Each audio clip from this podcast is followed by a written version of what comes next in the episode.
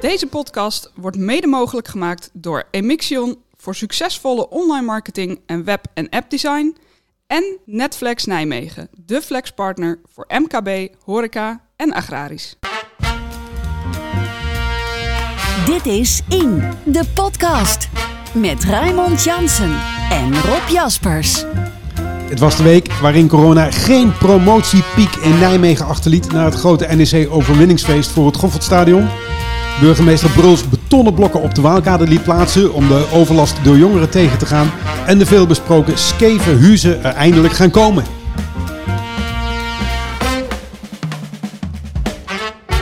Maar het was ook de week waarin enkele partijen bekend maakten wie zij volgend jaar het liefst als hun lijsttrekker zien tijdens de gemeenteraadsverkiezingen. En de gemeente Nijmegen horecabonnen schonk aan de voedselbank. En het was de week van de draai van vergunst over Furland. Daarover en over meer praat ik deze week met journalist en columnist Rob Jaspers. Vanuit Nijmegen is dit aflevering 7 van In de Podcast. Ja, welkom Rob in de podcast. Ik dacht, we zijn wel even klaar met Furland. Maar ja, vorige week tijdens het uh, vragenuurtje hoorden we wethouder Vergunst opeens... Ja, met een originele draai lijkt het wel, hè? Ja, kijk, hij, hij, vertelde van god, ja, we hebben niet helemaal goed gecommuniceerd en jullie hebben mij verkeerd begrepen. Hij, hij is plots toch voor een, een, een, een stadspeiling. Nou, dat kun je koesteren, dat hij bijdraait. Alleen, jongen, kom op, wees gewoon eerlijk. Die communicatie, niet goed begrepen. Er stond gewoon geen stadspeiling. Dat kun je niet anders lezen. Als je nu zegt, er komt wel een stadspeiling, dan heb je geleerd van de kritiek. Zeg dat hardop, zeg sorry en dan gaan we door. En Violent zal nog wel vaker komen, want het gaat nu over hoe gaan we hier naar kijken en waar vinden we alternatieven. Dus ja, Furland wordt absoluut een verkiezingsitem. Let op hoor. Ja, ja want even voor de duidelijkheid. Twee weken geleden um, uh, werd duidelijk dat die uh, volkspeilingen niet zou komen. Um, uh, dat ging los op Twitter en toen, toen plaatste Vergunst een soort van paniek Twitter bericht. Zo van ho, ho um, we willen participeren en praten en met de burgers. En ja, toen ging er iets gebeuren. Ja, hij sprak over participeren, maar nog steeds niet over stadspeiling. Dus hij is echt, de, de, fractie van GroenLinks is ook bij elkaar gekomen. de SP in het college mopperde ook, we willen dat er een stadspeiling komt. D66 zei het hardop. Dus linksom of rechtsom, hij is helemaal bijgetrokken hoor. En ja. dat, is, dat, dat, dat mag je zeggen van, god nee, dat is ook goed. Ja, want we hebben een, een opgeslagen uh, Twitterbericht van Rashid El Havi van D66, waarin, uh, waarin we zeiden van hij uh, wil kosten wat kost dat die, raads, die volkspeiling er komt. Er zit nu echt beweging in, hè? Er zit echt beweging in, ja. En uh, beweging in, in die zin, overigens de komende weken gaan er een paar kunstenaars zitten om mensen op te ja. roepen van hoe kijk je naar dat, dat eiland. En het blijft een moment om, om, om te gaan kijken. Het wordt zomer, dus mensen gaan dat eiland op. We gaan nadenken, wat moet daar gebeuren? Uh, het, het, waren huizen van mij. Denk ook na over bloemen, uh, bossen, een, een voedselbos bijvoorbeeld op die plek. Ik, ik denk dat er heel wat opties voorbij gaan komen de komende ja. tijd. Ja, en we hebben ook iemand horen zeggen dat er een hele hoge, uh, heel hoog glimmend appartementencomplex moest komen om alle Duitsers die naar Nijmegen kwamen, hè? Ja, ja, ja, welkom te heten. Ja, dat was Jan van der Meer. Die, die riep van, ik droom eigenlijk van een enorme kolos daar. Uh, ja, of dat ooit waarheid wordt, ik betwijfel het. Er is ooit, overigens wel ooit getekend aan kolossen. Dat was in de, in, in de jaren negentig dat er allerlei architecten over hoogbouw in Nijmegen nadachten. En toen was er nog niet sprake van de Nevengul. En toen tekende iemand naast uh, uh, de, de, Waalbrug aan de Lentse kant een toren van 130 meter hoog. Dus uh, ja. Belangrijkste misschien is dat de optie geen bouwen ook een keuzemogelijkheid is. Absoluut. Uh, als ik uh, wethouder van Gunst is, dat, zegt dat nog niet zo letterlijk, maar zijn eigen fractie, April Ranshuizen, heeft helder gemaakt van ook de optie uh, niet bouwen komt voorbij. Zij zegt, het geld mag niet de doorslag geven. Nou, dat, ja, dat is toch een, een, een, een stap vooruit om te kijken naar dat eiland. Ja, want feitelijk is het grootste bezwaar om niet te bouwen het geld geweest altijd. Hè? Het geld was het grootste bezwaar. Terwijl, uh, ja, ik keek overigens persoonlijk altijd anders naar het gebied. De waarde van het gebied is enorm toegenomen door die nevengul. Dat heeft de stad Nijmegen nu imago gegeven. Dus breng ook die waarde in beeld. En dan zul je verrast zijn van hoe de stad uh, uh, eigenlijk financieel vooruit gegaan is, omdat het een lokkertje is geworden voor heel veel mensen. Dus uh, we zijn voorlopig helemaal nog niet klaar met Furland. Nee, gelukkig niet. Ik vind het ook altijd heel erg goed als mensen diep nadenken over hoe je met de stad verder moet. Dus ja, maart 2022 zijn die verkiezingen. Furland komt nog steeds voorbij dan. Ja, komt op de posters. Komt op de posters, ja. Viel mij nog iets op. Vorige week werden er in één keer een aantal lijst, uh, lijsttrekkers bekendgemaakt. Marjolein Meilen krijgt steun van het CDA-bestuur. Is daar de enige lijsttrekker. Ik geloof dat 7 juni uh, de leden daarover stemmen. Paul Eigenhuizen wordt uh, lijsttrekker van voor Nijmegen.niet. Dat is nu, hè? dat is niet zo verrassend natuurlijk. En uh, we weten in ieder geval inmiddels zeker dat Lusanne Bouwman, uh, en dat is denk ik de eerste die echt bevestigd is naar Paul, dat die de lijsttrekker wordt voor D66. Mensen Zij was de enige kandidaat, ja, dus ja, waar kun je op stemmen? Nou ja, de leden zouden kunnen zeggen, we zijn het er niet mee eens. Maar ja. goed, voor de trouwe luisteraar van deze podcast is het natuurlijk geen nieuws, want dat riepen wij weken geleden al. Maar ja, er begint wel schot in te komen. Ja, ja, ja, ja. En, en nu, ja, GroenLinks, er waren twee, of er zijn twee kandidaten. Lokker en April Ranshuizen. Ja. Maar vanochtend zag ik in de krant een advertentie uh, van GroenLinks. Wil je lijsttrekker worden bij GroenLinks, moet je je melden. Ja. Je kunt je melden voor 7 juni. Dus kortom, ja. Meld je aan, laat het spannend worden. GroenLinks in Nijmegen. Een advertentie in de krant om lijsttrekker te worden. Ja, want April Ranshuizen die was natuurlijk ook kandidaat Kamerlid. Uh, ik weet dat er in Den Haag uh, rekening gehouden wordt met het feit dat, uh, dat GroenLinks gaat meedoen. Er zijn al wat fractieleden die schuiven wekelijks al aan in Den Haag... om mochten er mensen doorschuiven nog Kamerlid te kunnen worden. Um, April is niet direct de meest aangewezen kandidaat om direct door te schuiven. Maar Zou ja, wel veel voorkeurstemmen. Ja, dat klopt. Ja, ja dat klopt. Uh, maar goed, um, ja, ik denk dat Quirijn Lokker ook nog steeds gewoon een goede kans maakt. Ja, de leden beslissen erover. Alleen ik zeg altijd, uh, GroenLinks is een partij waar heel veel vrouwen op stemmen. Ik geloof, ik heb het wel eens uitgezocht bij de, de gemeenteraadsverkiezingen. Ik geloof dat 70% uh, uh, stemmen van vrouwen, waar op, op vrouwen gestemd werden. Okay. ja, dat is toch iets misschien om bij een lijst rekening mee te houden. Dat deed GroenLinks altijd half-half half man, half vrouw. Ja. Dus, maar het is wel een belangrijk item ja. uh, voor de kiezers van GroenLinks. Ja. ja. Maar we gaan het afwachten. Ik heb nog even een rondje gebeld voor de nieuwkomers. Volt komt uh, in december met een kandidaat. Die, die zijn nu die hele organisatie aan het optuigen. En Denk, um, uh, die, die hebben allerlei bijeenkomsten al georganiseerd hier in de regio. Er zijn voldoende mensen geïnteresseerd. Er wordt nu een Denk Academy gestart uh, om die mensen allemaal klaar te stomen voor, voor een, een carrière in de politiek. Zij komen november met een uh, kandidaat lijsttrekker. Dus uh, nou goed, die nieuwkomers, daar moeten we nog even over op wachten. We hebben straks heel wat te kiezen, begrijp ik. Ja, zo is dat. Dit is In, de podcast. In de euforie van de promotie van NEC meldde suikeroom Marcel Boekhoorn terloops dat de club technisch failliet is. Boekhoorn heeft inmiddels een aardige to-do-lijst wat betreft zijn favoriete voetbalclub. Eentje daarvan is aan tafel met de wethouder voor de overname van het uh, Goffertstadion. Maar hij zal ook de raad aan zijn zijde moeten krijgen. Rob, heel wat raadsleden en wethouders zijn ook uh, NEC-supporter. Maar dat wil niet zeggen dat ze de Goffert cadeau gaan doen aan de club, hè? Nee, nee, absoluut niet. Uh, uh, ik, ik, ik heb de afgelopen weken weer uh, toch eens wat, wat raadsleden benaderd. En dan zie je toch van iedereen is heel voorzichtig. Ze dragen, ze hebben een warm hart voor NEC. Maar ze waarschuwen ook voortdurend, we gaan niets cadeau doen. wat, wat daarbij een hele grote rol speelt is, hoe kijkt Europa naar zo'n voetbalclub? Wanneer is het staatssteun, wanneer niet? Daar is een aantal jaren geleden is een uitgebreid onderzoek naar gedaan. toen NEC het eerste verzoek deed om het stadion weer terug te kopen.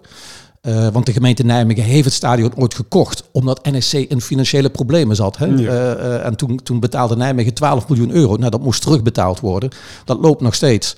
En ja, Nijmegen mag niet zomaar het stadion voor 0 euro weggeven. Want dan staat Europa met boetes op de stoep. En is overigens niet de gemeente die dan de dupe is maar de voetbalclub. Ja. Want die krijgen dan de rekening van Europa. Ja, jij zegt Europa, maar dat is, hè, er is een regeling dat Europese staatssteun voor dat soort organisaties niet zonder meer toegestaan is. En, ja. en daarom is men waakzaam. Er ligt ook een, een, voorstel van de gemeente op het bureau van Wilco van Schaik. Uh, en die deadline is 31 juli, hè? Nee, 31 juni. Oh, okay. uh, en dat is een verschoven deadline. Je moet je voorstellen, in uh, 2019 of 2018 heeft men de tijd gekregen twee jaar om het stadion aan te kopen. Toen was er een prijs benoemd van 7,4 miljoen euro. Uh, maar uh, die prijs, daar was rekening mee gehouden. De huur die NEC zou betalen in de, komend, in de lopende twee jaar, na, ja. na die eerste overeenkomst, die zou afgetrokken mogen worden van de koopsom. En dus kwam NEC na die twee jaar, dat was eind 2020 geloof ik, kwamen ze uit op 6,1 miljoen ja. euro dat ze nog zouden moeten betalen. Uh, dat contract is wel verlengd, maar niet met uh, de toevoeging dat de huur die nog betaald zou worden voor dit seizoen, dat die ook afgetrokken mag worden. Dat, dat dus niet meer. Nee. NEC hoopt daar nog steeds op. Maar de raadsleden die ik gesproken hebben gezegd van no way, uh, de huur moet betaald worden. Overigens heeft NEC in dit lopende seizoen de huur niet betaald. En Nijmegen heeft uitstel gegeven. Dat heeft natuurlijk alles te maken met die coronatijd. Ja. Maar de raadslid die ik sprak van nee, die huur zal toch op een of andere wijze eh, eh, betaald moeten worden straks. Dus de hoop die sommigen bij NSC hebben, zoals Boekhoorn, de gemeente en eh, Nijmegen komen wel en, en, en de belasting die komen wel over de brug. Ja. Ik ben sceptisch. Eh, eh, de, de prijs van 6,1, 6,2 miljoen, ik denk dat die, dat die nog steeds staat. Ja. En eh, ja, daar zullen ze een oplossing voor moeten vinden. Er zijn natuurlijk best door de jaren heen wat plannen geweest om, om nieuw te bouwen. Hè. Langs de kant van de stad. Zelfs vertelde jij tussen Arnhem en Nijmegen in. Hè. Eh, Ja, dat kan bijna niemand zich nog geloven. In 1995 is er een serieus voorstel geweest. De hond was toen burgemeester. eh, eh, en toen is een serieus voorstel geweest. Zowel NEC als Vitesse zochten naar een nieuwe, nieuw stadion. En toen is er een serieus voorstel geweest van... God, kunnen we niet samen gaan? Echt waar, de clubs wilden daarover nadenken. Maar ze hadden één voorwaarde. Dan niet in Arnhem, dan niet in Nijmegen. En toen kwam Elst in beeld. Maar wilden de, de club samen gaan of wilden ze samen gebruiker worden van het Nee, ze stadion? wilden Dat laatste, samen gebruik Ja, maken precies. van het stadion. Eh, dat is eigenlijk net zo'n situatie als in Milaan. Je hebt AC Milan en je hebt eh, Inter. Inter, Milan. Ja, en die ja. spelen in hetzelfde stadion. En in die tijd werd er echt over, over, over nagedacht. En, en ik weet zowel Karel Aalbers, voorzitter van Vitesse, als Lex Koenen van NEC, de voorzitter. Die, die wilden er serieus over praten. En die hebben dat ook serieus gedaan. Waarom is dat toen de tijd afgeketst? Ja, toch de emotie een rol en et cetera. Maar het, het, en er kwam een andere oplossing. Karel Abels heeft zijn super oplossing in, in, in Arnhem natuurlijk gevonden met dat stadion Gelredome enzovoort. Dus eh, Ook geen succesverhaal. Hè? nee, heel veel geld. eh, ook van de overheid weer, hè, eh, die, wat erin gestopt is. Nuon gelden. Ja, nu, nu on gelden. Eh, maar het feit dat in 1995 er gedacht kon worden over één stadion Vitesse en NEC is toch heel bijzonder. Hè? Zeker bijzonder. Anno nu zou dat eh, niet meer kunnen. Aan de ik. andere kant, eh, als het toen gebeurd was, wisten we nu wel niet meer beter. En dan, eh, Nee, nee, in die tijd is zelfs Jaap van Praag, die was voorzitter van, of Michel van Ja, Praag, Michel was voorzitter van Ajax. En die heeft in die tijd, dat was in 1996 nog eens een keertje gezegd, voor het beter maken van de competitie zou het goed zijn als Vitesse en NEC samen gaan. Dan krijg je één sterke club hier in, in, in, in Gelderland die, die mee kan spelen in, in de eredivisie. Ja. En toen was het hetzelfde fenomeen. In Limburg had je MVV, eh, Roda JC en Fortuna, Citadia. ja. Die zouden samen moeten gaan. Allemaal mislukt. Maar al die zaken zijn toch gepasseerd. Hè? ja, FC Limburg moest dat gaan heten. Hè? Dat is, eh, Ik weet niet wat de naam voor NEC en Vitesse zou zijn geworden. Nekvet. eh, net, ja, ja, FC Gelderland. Ja, En idee. welke kleur shirts. Hè? Ja, ook dat. Maar en serieus, want die raad, ehm, ja, kijk, die, dat 6,1 miljoen euro, er gaan dagen voorbij dat Marcel Boekel meer geld eh, uitgeeft, eh, denk ik. Dus dat zal het probleem niet zijn. Maar hij wil het, extra, hij wil het rendabel maken. Hij, eh, hij wil natuurlijk ook een, eh, een goede business case eh, daarop leggen. Wat, wat moet er gebeuren om dit eh, succesvol te maken?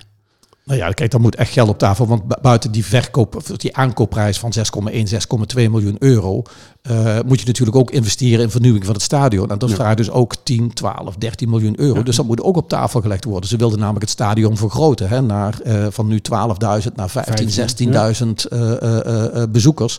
Daar zijn ook wel een schetsen voor gemaakt hoe je dat zou moeten doen. Dus dat geld moet, moet, moet ook komen. En waar ook een droom was, NEC dacht van, hey, dit combineren we dan. Als je nou bij dat stadion eh, eh, werkplekken kan creëren, eh, vergaderlocaties, dan, krijgt dat, dan kunnen we dat beter exploiteren. Maar het Goffertpark, Volkspark, is eigenlijk een soort ja, monumentaal eh, natuurbezit. Dat mag niet zo heel erg veel. Nee, bestemmingsplanwijziging is in ieder Ja. geval iets wat er aan, eh, eh, aan de grondslag ligt. Ik zou je kunnen afvragen of daar überhaupt die partijen voor, eh, voor te porren zijn.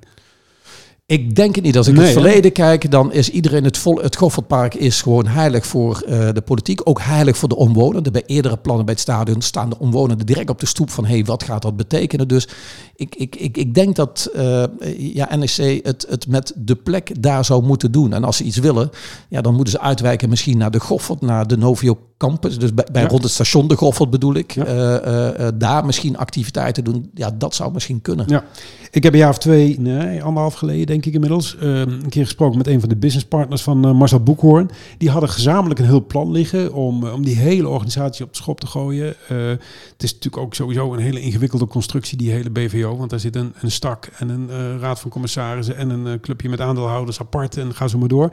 Het moet op de schop. Je zou denken, Marcel Boekhoorn heeft genoeg gelegenheden gehad om, eh, eh, om die wijzigingen door te voeren. Maar hij komt er nu pas mee.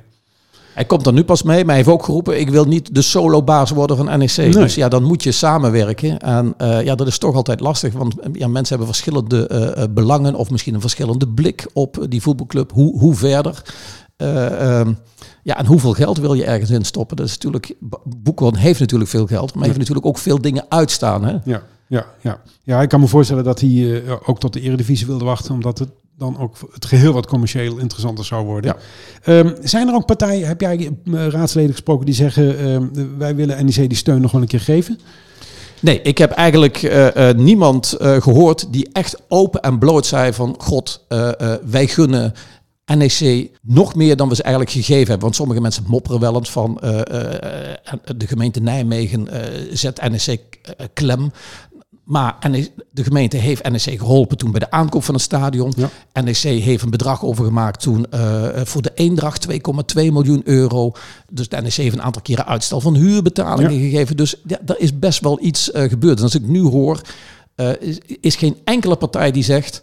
ja, we doen het, omdat bij iedereen om de hoek komt kijken. Dat is een angst. De angst voor staatssteun. Ja. Dat, elke partij zet dat als vast van nee. En, en wat ik ook gewoon hoor, is de, de uitgestelde huur. Die moet NEC gewoon gaan betalen. Dat is overigens wel eens eerder gebeurd. Ja. Ik geloof dat de huur van 2014, 2015 heeft NEC ook niet betaald. Toen is er een akkoord bereikt. U mag dat spreiden over 25 jaar. Uh, dus misschien dat zo'n trucje, zo'n betalingswijze misschien ook nog wel weer in beeld komt. Maar ja, dan het, het huurcontract loopt wat ze nu hebben wat staat in loopt tot 2043. En dat vinden mensen ook een wurgcontract. Dus uh, iets over een lange termijn uitsmeren, dat klinkt leuk. Maar uh, je weet niet hoe de wereld er over vijf jaar uitziet. En dan is plotseling dat nieuwe mooie contract ook weer een wurgcontract. Ja, want, want ooit was het, uh, leek het een goed plan om juist het stadion aan te kopen. of te verkopen. Nu, ja. nu willen ze het weer aankopen. Wat dat betreft is het wispelturig. Het had ook iets met aandelen te maken. Hè? Want Hans van Delft had natuurlijk nog een aantal aandelen in bezit. Dat was niet de grootste vriend van Marcel Boekhoorn. Hans, is, Hans van Delft is gestorven inmiddels. Hij wil geen eigenaar worden, Boekhoorn. Um, uh, hij zegt dat omdat hij vindt dat die club van de, uh, van, van de supporters moet blijven. Of zou hij zich ook gewoon financieel niet in de vingers willen snijden? Nou ja, het, club van het volk, NEC. Kijk, Boekhoorn is uh, financieel een grote jongen, maar het is toch een, een, een, een, een, een, een een, een Nijmegenaar, hier, hier, hier opgegroeid. Dus misschien ja, speelt toch dat uh, volksclub toch in zijn hoofd. Ik, ja, je moet dat nooit uitsluiten. Mensen zijn wel ondernemer, maar je vergeet nooit waar je vandaan komt, wat je hebt meegemaakt. En dat speelt toch een rol. En ik, ik denk dat hij dat uh, wel aanvoelt. Dat uh, ook supporters niet accepteren dat er, er een één man de baas is. Hoe, hoe goed hij ook met de club voor heeft, denk nee, ik. Okay. Nou, eind juni loopt de deadline uh, af. Uh, ik denk dat we snel ja, duidelijkheid ja, wethouder uh, Veldhuis, die verantwoordelijk is, zei, we zijn in een goed gesprek. Maar dat zijn van die communicaties. Hè? Ja, we wachten het af dus. Ja. Terugbladeren. Elke week bladert Rob Jaspers terug in oude kranten op zoek naar nieuwsberichten die actueel blijven. Ja, ik ben gaan kijken naar het gebouw van Intersport. Uh, misschien zegt dat mensen weinig. Intersport op de hoek van de Bloemerstraat met de Doddenaal tegenover plein 44. Oude Luxor, hè? De oude Luxor, ja. En, en dat was overigens een monumentaal wederopbouwpand. Hè. Dat was een trots van uh, Nijmegen, een bioscoop gebouwd na die verwoesting van de stad in 1944. Ja.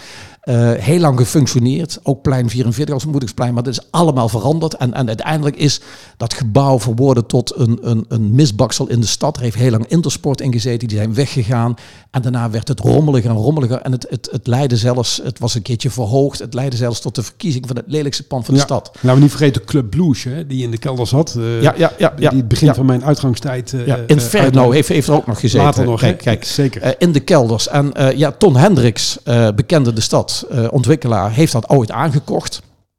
Uh, heeft nu een definitief plan gelanceerd uh, met, uh, ik geloof, 130, 140 appartementen, middelduur, niet goedkoop. En roepen mensen eindelijk. Maar ja, ja ik, ik, ik, kijk altijd op verschillende manieren naar Ton Hendrik. Ja. Ik, ik, ik weet, kijk, hij heeft dat pand in 2012 gekocht. En toen had hij al plannen voor 130 appartementen. Voor studenten, betaalbaar. En hij had de tekeningen, uh, hij had de aanvraag lopen, maar vervolgens heeft hij dat plan uh, opzij gezet. Waarom? Er kwam een verzoek uit de politiek, uit de gemeente, uit de omgeving. Nieuw-Doddendaal, waar bejaarden uh, opgevangen werden en verzorgd werden, dat ging dicht. Ja, want heel even, Ton Hendricks heeft echt wel twee gezichten. Hè? Jij zegt het ook een beetje. Uh, staat de boek als de keiharde uh, huisjesmelker, die slecht voor zijn studenten zorgt als die bij hem huren. Maar hij heeft dus ook wel degelijk liefde voor de stad en hij heeft ook wel degelijk een sociale. Ja, liefde voor de stad en, en dat uitbuiten van studenten. Ik zie zijn panden die opgeknapt zijn. Hij zorgt dat er, uh, die zijn vaak goed opgeknapt. Hij zorgt dat er fietsenstallingen in het gebouw aanwezig zijn, niet op straat zijn. Dus ik, ik zie, ja, hij denkt aan zijn portemonnee, maar ik, ik kijk soms toch anders van, uh, als uh, sommigen zeggen direct negatief, negatief oordeel van onderwijs. Nou, dat, dat heb ik niet. Uh, hij denkt aan zijn eigen portemonnee, beter dan ik dat doe. dat speelt een rol. Maar hier, had hij ook, hier speelde hij in op die wens van die mensen bij Intersport. Oké, ik ga mijn plan veranderen. Ik ga de bejaarden in huisvesten. Van drie studentenkamers maakte hij één bejaardencomplex voor uh, ouderen. Nobel plan. En hij ging daarmee in zee met een, een, een zorginstelling. Die wilde ook graag meedoen. De politiek juichte. Vervolgens de wetten veranderen. De zorginstelling mocht dat niet meer uh, doen op uh, die plek. En die zorg daar bieden betaalbaar. Dus dat plan verviel. Vervolgens is hij toch weer verder gaan zoeken. Toen kwam er een woningcorporatie. Die wilde graag meedoen. Daar heeft hij geloof ik anderhalf jaar uh, mee onderhandeld. Dat ging allemaal goed, zou gebeuren. En helemaal op het eind ging weer met bejaardenwoningen bij. Zette toch die woningcorporatie een streep erdoor. Toen was hij dus weer terug bij af.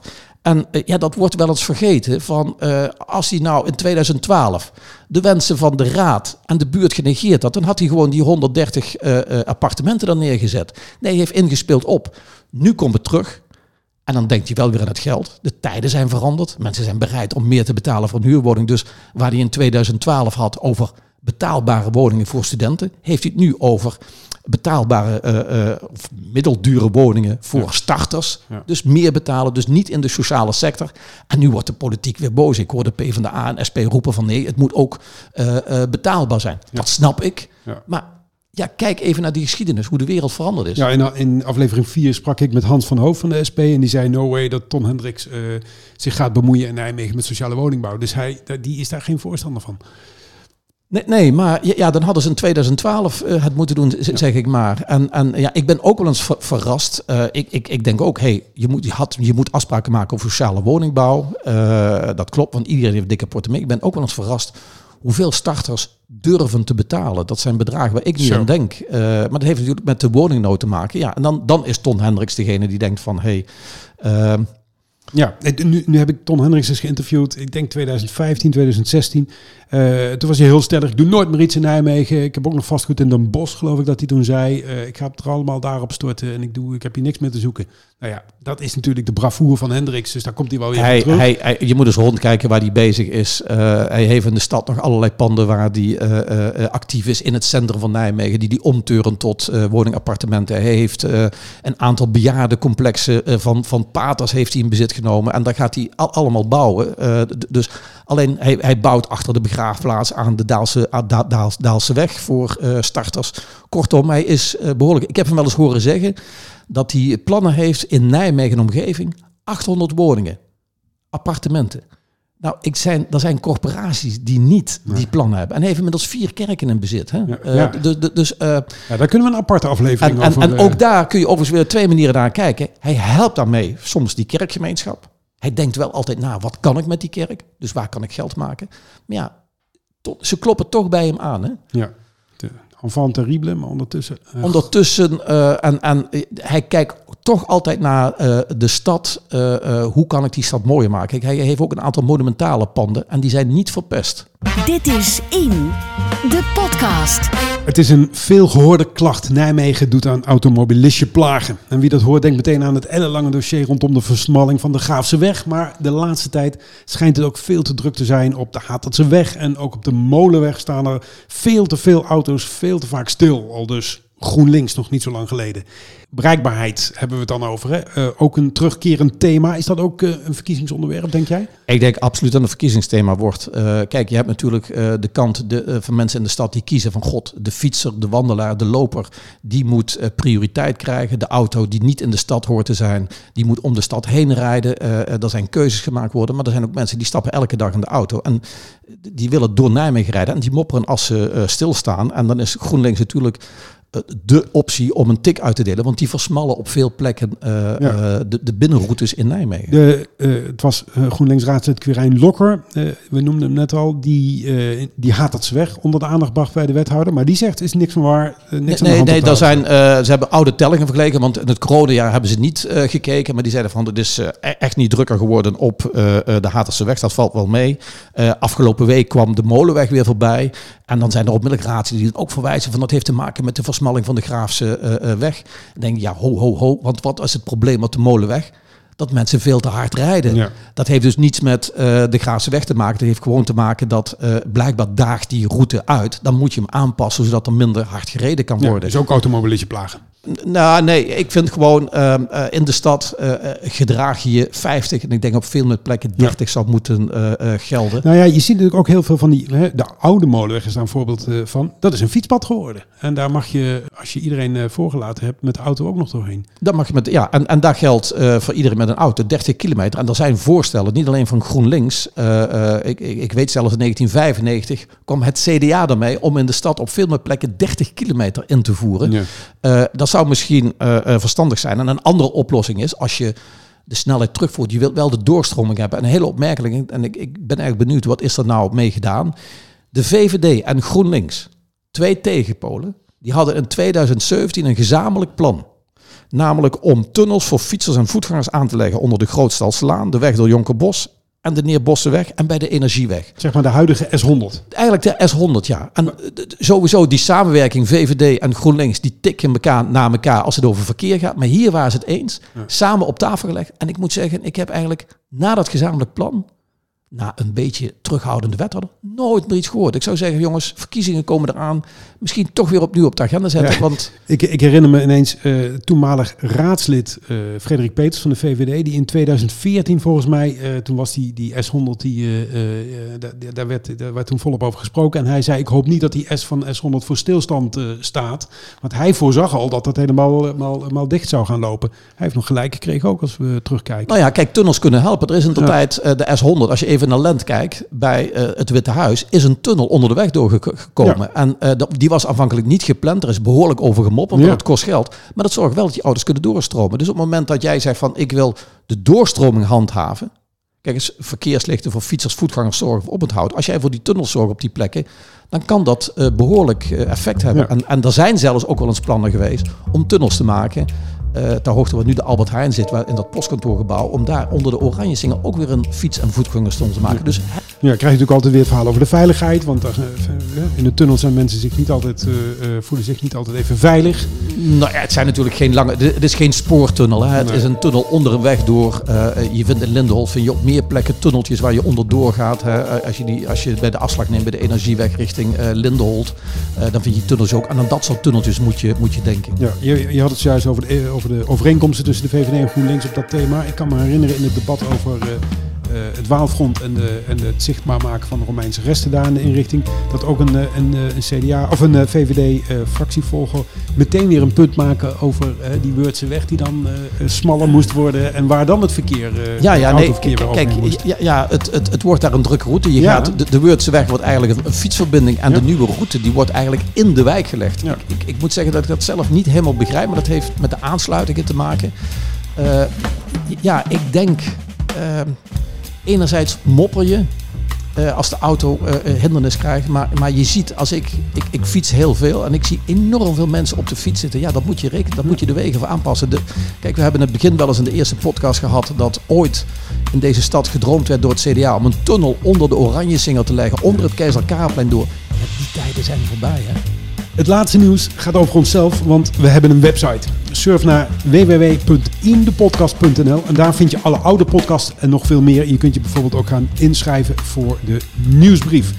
En tot zover deze aflevering van eh, In de Podcast van deze week. Ehm, redactie en productie waren zoals gebruikelijk in handen van Rob Jaspers en van mijzelf. En mijn naam is Raymond Jansen. Volgende week is Eline Lauret van de Partij voor Dieren te gast. Heb je nou genoten van deze podcast? Schrijf dan een review op Apple Podcast en abonneer je via je favoriete podcast app. En je kunt ons ook volgen op de social media, allemaal via in de podcast. En wil je ons iets melden? Heb je vragen over de politiek in Nijmegen? Stuur dan een e-mail naar redactie@indepodcast.nl. Dit is In, de podcast.